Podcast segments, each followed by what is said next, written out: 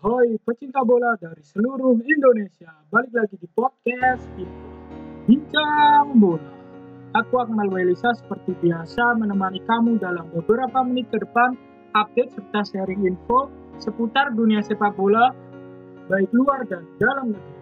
So, stay tune on Bimbo. Bincang Bola. Penyerang Everton, Dominic Calvert-Lewin untuk sementara unggul dari tiga striker papan atas dalam daftar top skor Liga Inggris. Calvert-Lewin memang tak mampu menambah pundi golnya pada pekan ke-12 Liga Inggris, meski Everton menang 1-0 atas Chelsea. Gol tunggal tersebut dicetak oleh Gylfi Sigurdsson dari titik penalti. Kendati demikian, Calvert-Lewin masih berhak memimpin daftar pencetak gol terbanyak Liga Inggris. Striker berusia 23 tahun itu unggul satu gol dari Mohamed Salah, Song Heung-min, dan Jamie Vardy. Salah berhasil menambah koleksi golnya meski Liverpool ditahan imbang 1-1 oleh Fulham. Sementara Vardy menyumbang satu gol saat Leicester menang 3-0 atas Brighton. Selanjutnya di posisi kelima ada nama Harry Kane. Striker asal Inggris ini tampil konsisten gemilang bersama Tottenham. Sejauh ini, ia mengemas 9 gol untuk The Lily Whites. Selanjutnya ada penyerang Leeds United, Patrick Bamford, juga menambah panas daftar persaingan top skor dengan koleksi 8 gol. Sementara itu, tiga pemain lain yang ikut meramaikan bursa top skor yakni adalah Bruno Fernandes dari Manchester United, Callum Wilson dari Newcastle, Wilfred Zaha Crystal Palace. Ketiganya saat ini sukses membukukan 7 gol bersama timnya masing-masing. Dua pemain Inggris, Danny Ings dari Southampton dan Oli Watkins dari Aston Villa juga ikut mewarnai perburuan gelar top scorer lewat 6 gol yang berhasil mereka cetak. Nama Dominic Calvert-Lewin menjadi perbincangan di Liga Inggris 2020-2021. Penyerang berkebangsaan Inggris ini perlahan mampu menjadi bintang sekaligus predator klasik nan tajam bagi Everton. Everton menjadi tim kejutan di Liga Inggris 2020-2021. Sejak pekan pertama, The Toffees, julukan Everton, mampu meraih hasil apik dan sempat mencicipi puncak klasmen sementara. Memang, beberapa laga terakhir Everton seperti kesulitan meraih kemenangan. Namun, bukan berarti The Toffees keluar dari peta persaingan. Saat ini, Everton seperti kehilangan daya magisnya di Liga Inggris. Sejak menahan imbang Liverpool di pekan kelima, The Toffees mendapat rentetan hasil buruk di enam laga setelahnya, sampai pada pekan ke-12 mampu memetik kemenangan atas Chelsea 1-0. Hal ini menimbulkan spekulasi bahwa kekalahan tersebut akibat dari absennya dua fullback yakni Lukas Digne dan Seamus Coleman yang harus menepi akibat cedera. Hal ini berpengaruh kepada gaya permainan anak asuh Carlo Ancelotti. Selain badai cedera, performa para pemain Everton juga mulai di bawah standar, seperti James Rodriguez yang awal-awal begitu impresif, mulai kehilangan tajinya di dalam beberapa laga terakhir. Begitupun dengan Alan, Abdullah Dukore, Michael Ken, dan Richard Leeson. Sederet bintang ini mulai melempem dan sulit menampilkan performa terbaiknya dalam beberapa laga terakhir. Namun, tak semua pemain turun performanya. Salah satunya yakni Dominic Calvert-Lewin.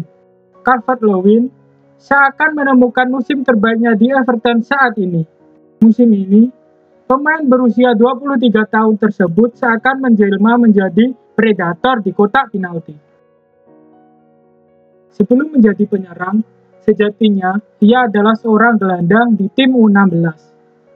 Adalah Travis Binion, yang mendapungnya sebagai penyerang saat ia masih bermain bagi Sheffield United.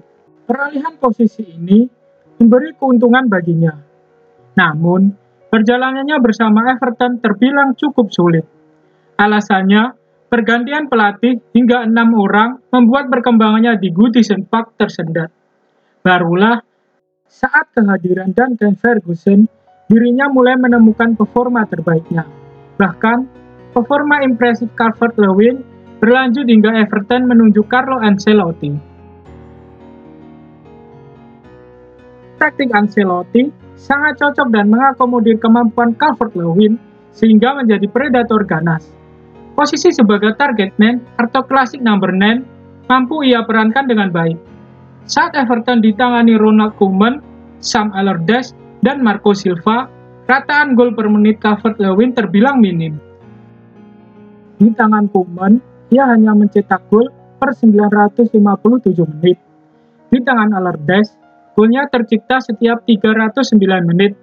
Di zaman Silva, gol Calvert-Lewin hanya tercipta setiap 273 menit pertandingan. Sedangkan di bawah naungan Ancelotti, Calvert-Lewin punya rataan gol setiap 139 menit di mana 19,8% sepakan ke gawang yang berujung gol dengan expected goal mencapai 0,62 per 90 menit laga. Di bawah Ancelotti pula, cakupan area Calvert-Lewin benar-benar hanya di kotak 16 11 gol yang ia buat di Liga Inggris tahun 2020-2021 lahir di area pertahanan lawan, di mana 9 gol lahir di area gawang, kota kecil yang berjarak 5,5 meter dari gawang. Statistik tersebut menjadi gambaran bahwa posisi sebagai penyerang nomor 9 klasik cocok dengan Calvert-Lewin.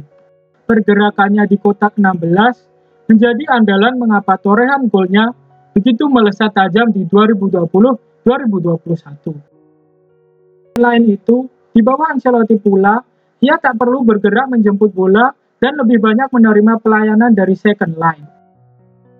Terbukti dari banyaknya sentuhan yang ia buat, yang mencapai rata-rata 33,9 sentuhan di kotak 16 lawan per 90 menit pertandingan. Rasio golnya pun tak main-main, sebagai pemain di bawah asuhan Carlo Ancelotti. Ia tercatat memiliki rasio gol sama dengan Didier Drogba, yakni 193 menit per satu gol. Tentu menarik, sejauh mana perkembangan Dominic Calvert-Lewin di bawah asuhan Carlo Ancelotti. Di usia yang relatif muda, ia masih memiliki waktu panjang untuk mengukuhkan diri sebagai predator top Everton di Liga Inggris atau bahkan di Liga Eropa. Demikian info yang dapat Binbol bincangkan pada kesempatan kali ini. Jangan lupa share ke teman-teman kalian yang ingin menambah wawasan informasi seputar dunia sepak bola baik luar dan dalam negeri. Stay healthy, have a great day, and ciao!